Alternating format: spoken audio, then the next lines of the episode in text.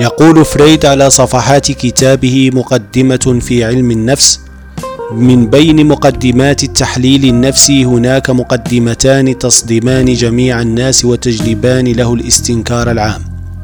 إحداهما تصطدم بحكم مسبق ذهني والأخرى بحكم مسبق جمالي. أنا أرى بأن فريد قد أعطى رايا مقبولا جدا إذ عند مراجعتي لفكرة الوطن فقد وجدت أن كل ما تم تلقيننا إياه كان عبارة عن فقاعات سرعان ما انفجرت في وجوهنا محدثة شروخا هائلة في الكتلة البشرية من حولنا وفي أعماق بعضنا أيضا.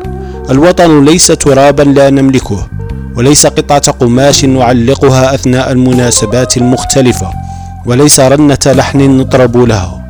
الوطن ليس كما قيل لنا عنه فنحن عندما ننتسب إلى قبيلة الإنسانية العالمية فإن المفاهيم تأخذ معاني مختلفة فيصبح الوطن أينما وجد الفرد كرامته مصانة وأينما حلت عدالة السماء والأرض على مواقع القرار والتطبيق.